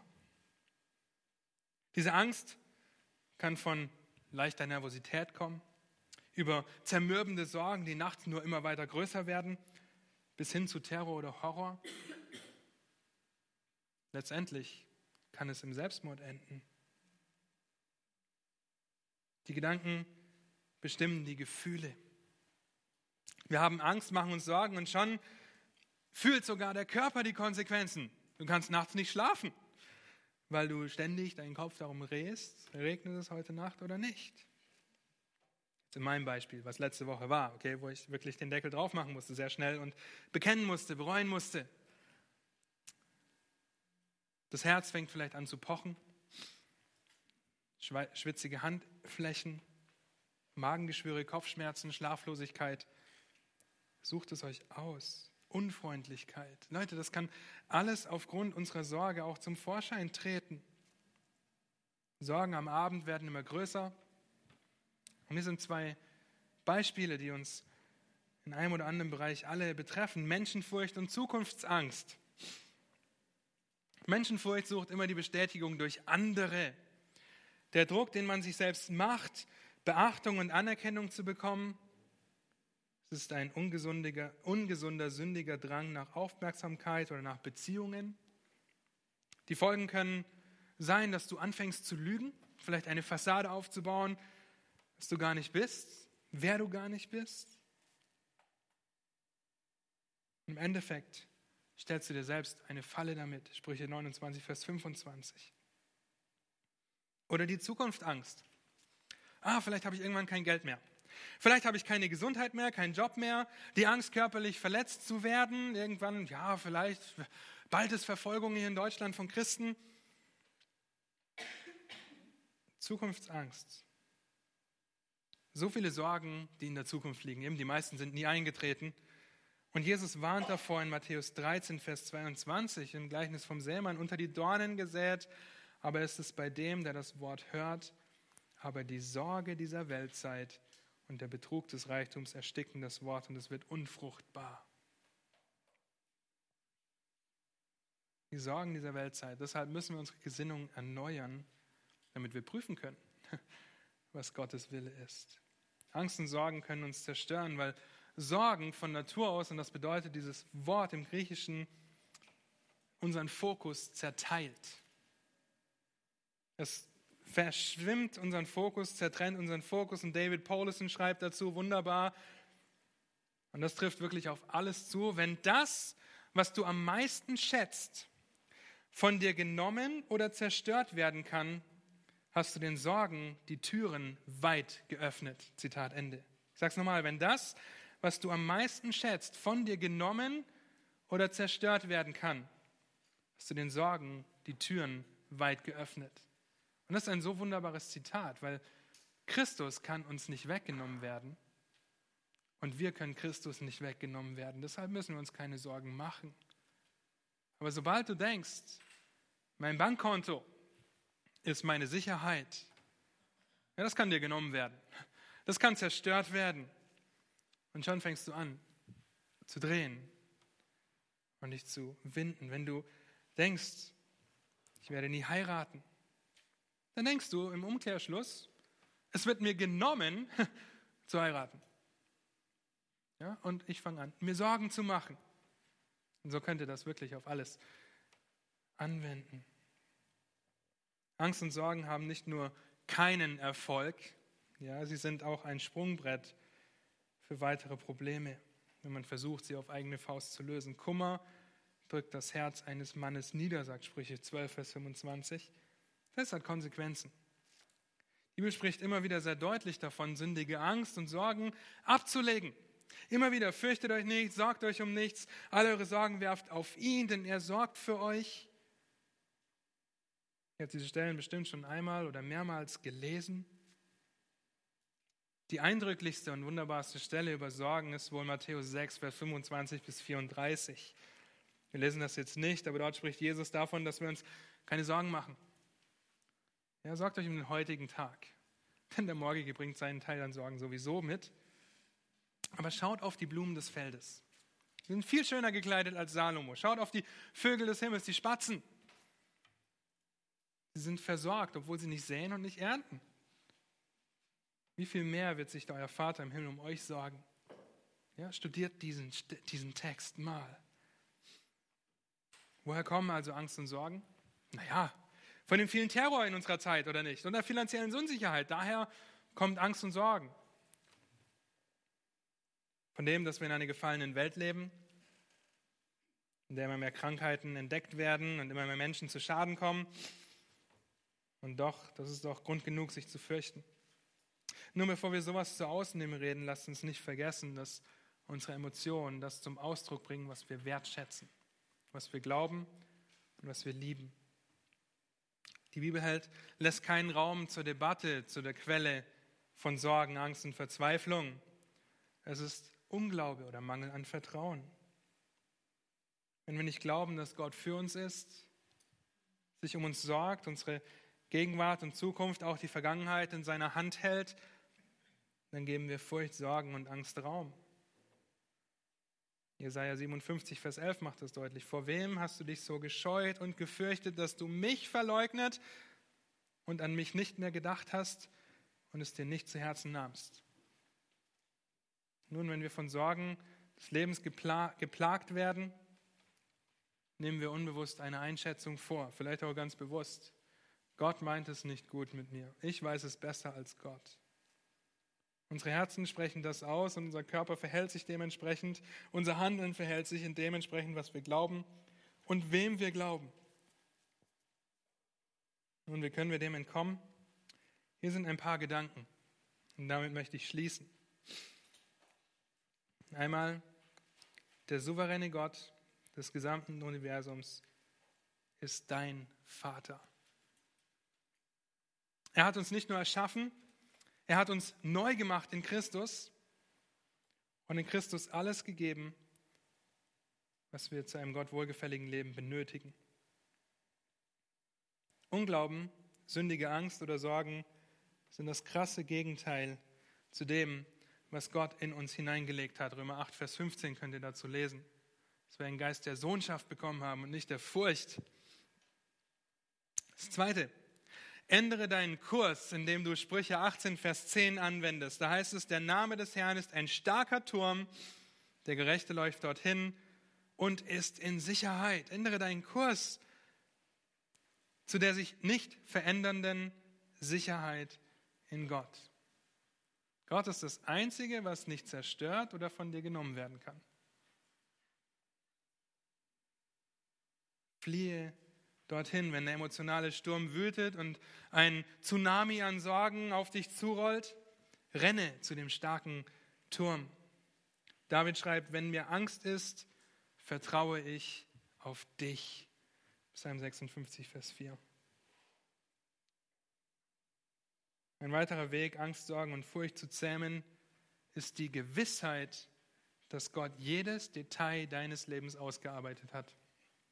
Die Gewissheit, dass Gott jedes Detail deines Lebens ausgearbeitet hat. Das sagt Gottes Wort. Das müssen wir uns nicht irgendwo aus der Nase ziehen. Das steht in Gottes Wort, in der Wahrheit, in der Bibel, die wir anwenden wollen. Egal in welcher Situation du dich befindest, du darfst wissen, dass wenn du Gott liebst, diese Situation zu deinem Besten und zu seiner Ehre geschieht. Er gebraucht das, er orchestriert das zu unserem Besten, auch wenn das noch so schmerzhaft sein möge. Nun, das bedeutet nicht, dass keine Maßnahmen ergriffen werden dürfen, die Situation zu ändern. Keine Frage. Aber nicht auf Kosten der Ehre Gottes. Ja, wenn ich arbeitslos bin und mehr Geld brauche, ich meine, wir leben in einem guten Staat, aber in anderen Ländern ist das nicht so. Wenn du keine Arbeit hast, hast du nichts. Und die Situation dann zu ändern, ist nicht verkehrt. Aber auf den Markt zu gehen und zu stehlen, ist nicht die Ehre Gottes fördern, sondern Arbeit suchen, hart arbeiten. Das verändert die Situation zur Ehre Gottes. Und dennoch bist du in der Situation, in der du arbeitslos bist, dort, wo Gott dich in diesem Moment haben möchte. Ihr dürft Psalm 56 wirklich euch anschauen. Auf Gott vertraue ich, heißt es dort, und fürchte mich nicht. Was kann ein Mensch mir antun? David predigt sich selbst an und das müssen wir auch tun. Und viertens, konzentriere dich auf den Charakter Gottes. Konzentriere dich auf den Charakter Gottes. Psalm 27, wieder David. Da heißt es gleich in den ersten Versen, der Herr ist mein Licht und mein Heil. Vor wem sollte ich nicht fürchten? Der Herr ist meines Lebens Kraft. Vor wem sollte mir grauen, wenn Übeltäter mir nahen, um mein Fleisch zu fressen, meine Widersacher und Feinde? So müssen sie straucheln und fallen. Selbst wenn ein Heer sich gegen mich lagert, so fürchtet sich mein Herz dennoch nicht. Wenn sich Krieg gegen mich erhebt, so bin ich auch dabei getröstet, weil er sich die Größe Gottes, das Heil und das Licht, das er in ihm hat, vor Augen hält. So viel Böses um David herum in diesem Psalm. Feinde, Krieg, also Beziehungen und Situationen, in denen man denken würde, ich habe alles Recht der Welt, mir Angst, Angst zu haben und mir Sorgen zu machen. Nein, du kannst ruhig bleiben, weil du dir Gottes Charakter vor Augen hältst. Bei Psalm 94, Vers 19, da heißt es, bei den vielen Sorgen in meinem Herzen erquickten deine Tröstung in meine Seele. Halte dir Gottes Charakter vor Augen. Dazu müssen wir Gottes Wort kennen. Wir haben später noch die Möglichkeit, uns mehr Gedanken darüber zu machen, noch weitere Beispiele anzuschauen. Ein Wildpferd benötigt Aufmerksamkeit und Geduld, harte Arbeit und Disziplin, bevor es beritten werden kann. Ist im ersten Moment furchteinflößend. Für mich sowieso. Auch so Pferde. Schöne Tiere. Lass uns daran arbeiten, unsere sündigen Emotionen abzulegen und Gott wohlgefällige Emotionen anzulegen, indem wir auf Christus blicken und unsere Gesinnung erneuern. Lass mich noch beten. Herr, es ist so wunderbar, dass du auf diese Erde gekommen bist und Mensch warst, dass du deine Emotionen ausgelebt hast und wir wissen dürfen, dass du das im perfekten Einklang mit deinem Vater getan hast, dass wir sehen dürfen, dass du all das durchgestanden hast und durchgemacht hast und doch ohne dabei zu sündigen. Hilf uns, dass wir dich als Vorbild nehmen, wenn wir dein Wort studieren, dass wir uns ehrlich selbst einschätzen, dass wir schnell bereit sind, umzukehren, dass wir schnell bereit sind, Buße zu tun, damit du die Ehre bekommst. Hilf uns, dass wir in deinem Wort sind, dass wir Gemeinschaft haben und das umsetzen, was dein Wort sagt. Habt du Dank für die Gemeinschaft, die wir haben dürfen. Und habt du jetzt auch Dank für das Mittagessen, mit dem du uns so gut versorgst. Und habt du einfach Dank, dass du uns dein Wort gegeben hast und dass du deine Liebe zu uns offenbar gemacht hast, indem du für uns gestorben bist, als wir noch deine Feinde waren, Herr. Amen.